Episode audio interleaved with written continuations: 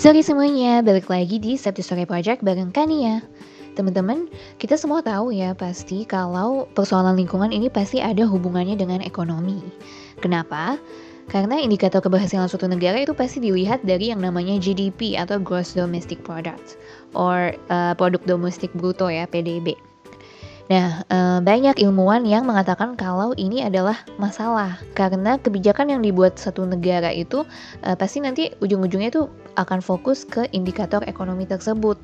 Uh, jadi ya ujung-ujungnya mentingin kepentingan pertumbuhan ekonomi aja gitu dan uh, lupa mempertimbangkan hal-hal lain. Apalagi soal lingkungan ya. Salah satu orang yang sependapat dengan ilmuwan-ilmuwan ini adalah Raja keempat Bhutan. Nah, di episode ini saya mau sharing tentang indikator keberhasilan negara Bhutan, yaitu Gross National Happiness atau GNH, atau ya kalau bahasa Indonesia itu jadinya kebahagiaan nasional bruto. Ya, jadi ini ya Bhutan itu mengukur keberhasilan negaranya bukan dari kacamata ekonomi, tapi dari kebahagiaan ya atau happiness ini.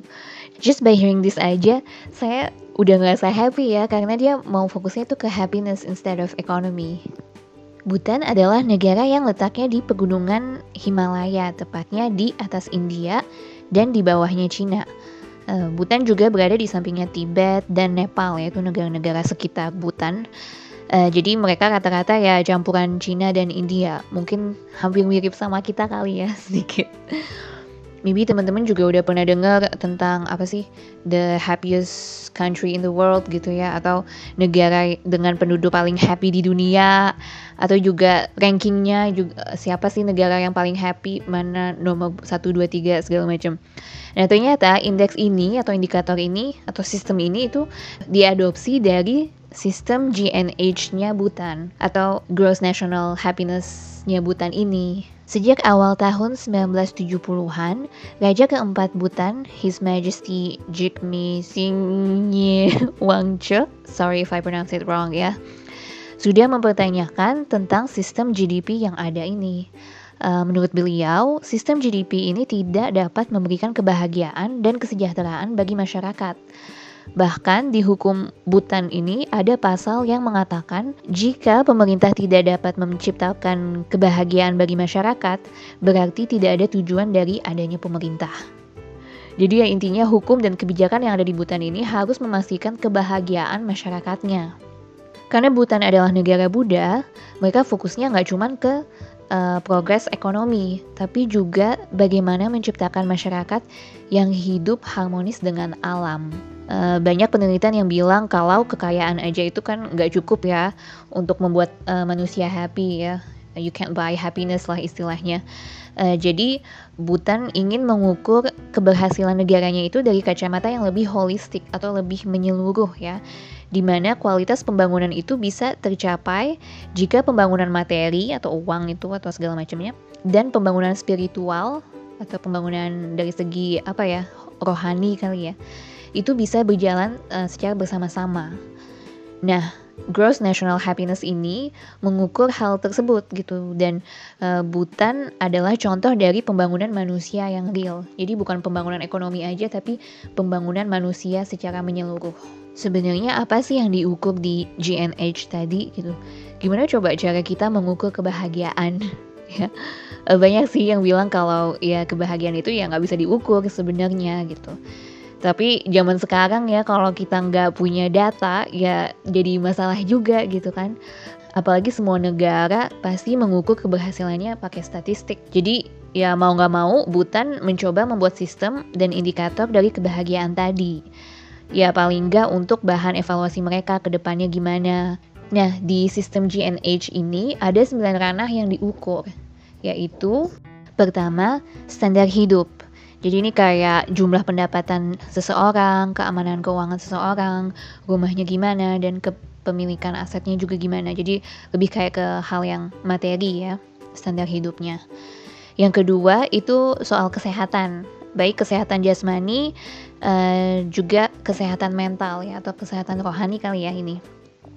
Terus yang ketiga itu uh, pendidikan ya tipe-tipe pengetahuan itu apa aja, nilai dan skills dan keterampilan yang dimiliki oleh masyarakatnya itu seperti apa kayak gitu. Terus yang keempat adalah uh, tata kelola pemerintahan, ya good governance. Jadi bagaimana masyarakat memandang tentang fungsi pemerintah ini, apakah pemerintahnya udah oke okay atau belum di situ. Lalu kelima itu keanekaragaman dan ketahanan ekologi. Jadi uh, bagaimana pandangan masyarakat tentang lingkungan ya di sini. Lalu yang keenam uh, tentang penggunaan waktu atau time use. Ya berapa banyak waktu yang digunakan untuk kerja, uh, waktu untuk tidak bekerja dan uh, waktu untuk tidur ya. Atau ya ini istilahnya kayak work life balance gitu ya, keseimbangan antara kerja dan uh, hidup gitu. Lalu yang ketujuh adalah uh, kesejahteraan psikis ya jadi lebih kayak kualitas hidup orang itu gimana kepuasan hidupnya itu seperti apa dan uh, ya spiritualnya itu seperti apa atau rohaninya secara rohani itu gimana Lalu yang kedelapan itu ada tentang keanekaragaman dan ketahanan budaya ya. Uh, jadi ini kayak kekuatan budaya dan tradisi lokalnya itu uh, seberapa apa ya seberapa pentingnya kali ya dan uh, apakah ada festival-festival budaya yang dilakukan kayak gitu. Uh, lalu yang kesembilan yang terakhir uh, itu kekuatan komunitas. Ya, jadi bagaimana hubungan dan interaksi uh, di dalam sesama komunitas mereka itu seperti apa kondisinya.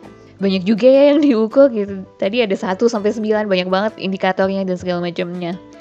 Nah kalau yang empat hal pertama itu sebenarnya ya hampir sama kayak indikator yang udah ada sekarang ya kayak itu lebih kayak ke indikator ekonominya ya kan terutama kayak tentang kesehatan, pendidikan, standar hidup, dan pendapatan seseorang itu seperti apa, e, dan juga tentang tata kelola pemerintahan.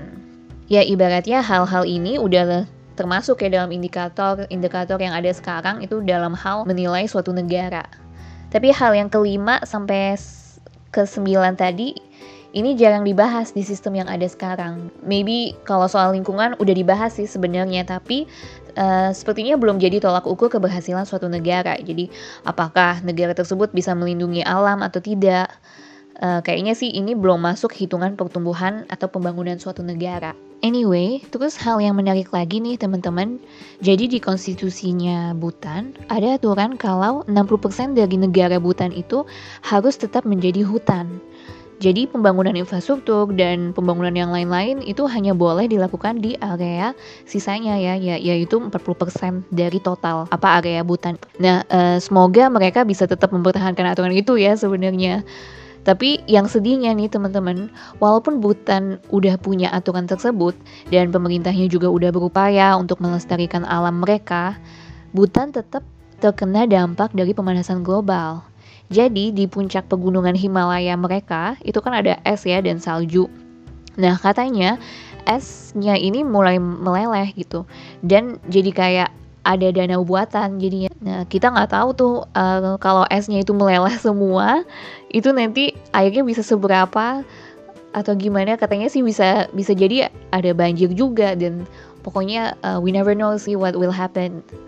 Ya Bhutan ini termasuk negara yang anti mainstream ya karena mereka itu nggak ngukur keberhasilan negaranya dari segi ekonomi aja atau GDP itu gitu tapi menilainya secara keseluruhan melalui indikator kebahagiaan mereka yang namanya gross national happiness. Uh, jadi ya apa ya mereka berusaha untuk hidup harmonis dengan alam.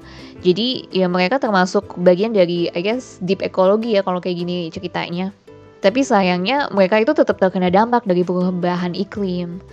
Uh, hal ini menunjukkan atau membuktikan kalau isu climate change ini adalah isu global gitu. Jadi ya harus diatasi secara global juga. Kayak Butan dia negara kecil dia nggak bikin apa sih emisi yang sangat besar gitu terhadap bumi gitu. Tapi uh, dia tetap terkena dampaknya karena ya ini persoalan global nggak cuma di Butan aja yang terjadi. Jadi ya gitu sih teman-teman itu menunjukkan kalau lingkungan dan ekonomi itu sangat berpengaruh gitu satu sama lain. Jadi kalau sistem ekonomi sekarang itu tetap kayak gini aja, nggak berubah, nggak apa, itu akan berpengaruh ke lingkungan gitu karena banyak sekali dampak lingkungan yang nggak diperhatikan gitu demi yang namanya pertumbuhan ekonomi.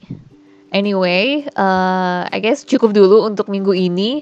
Uh, jangan lupa follow Instagram kita di @sabtu.sorry.project. And yeah, uh, thank you for listening this week and see you again di Sabtu Sore Project.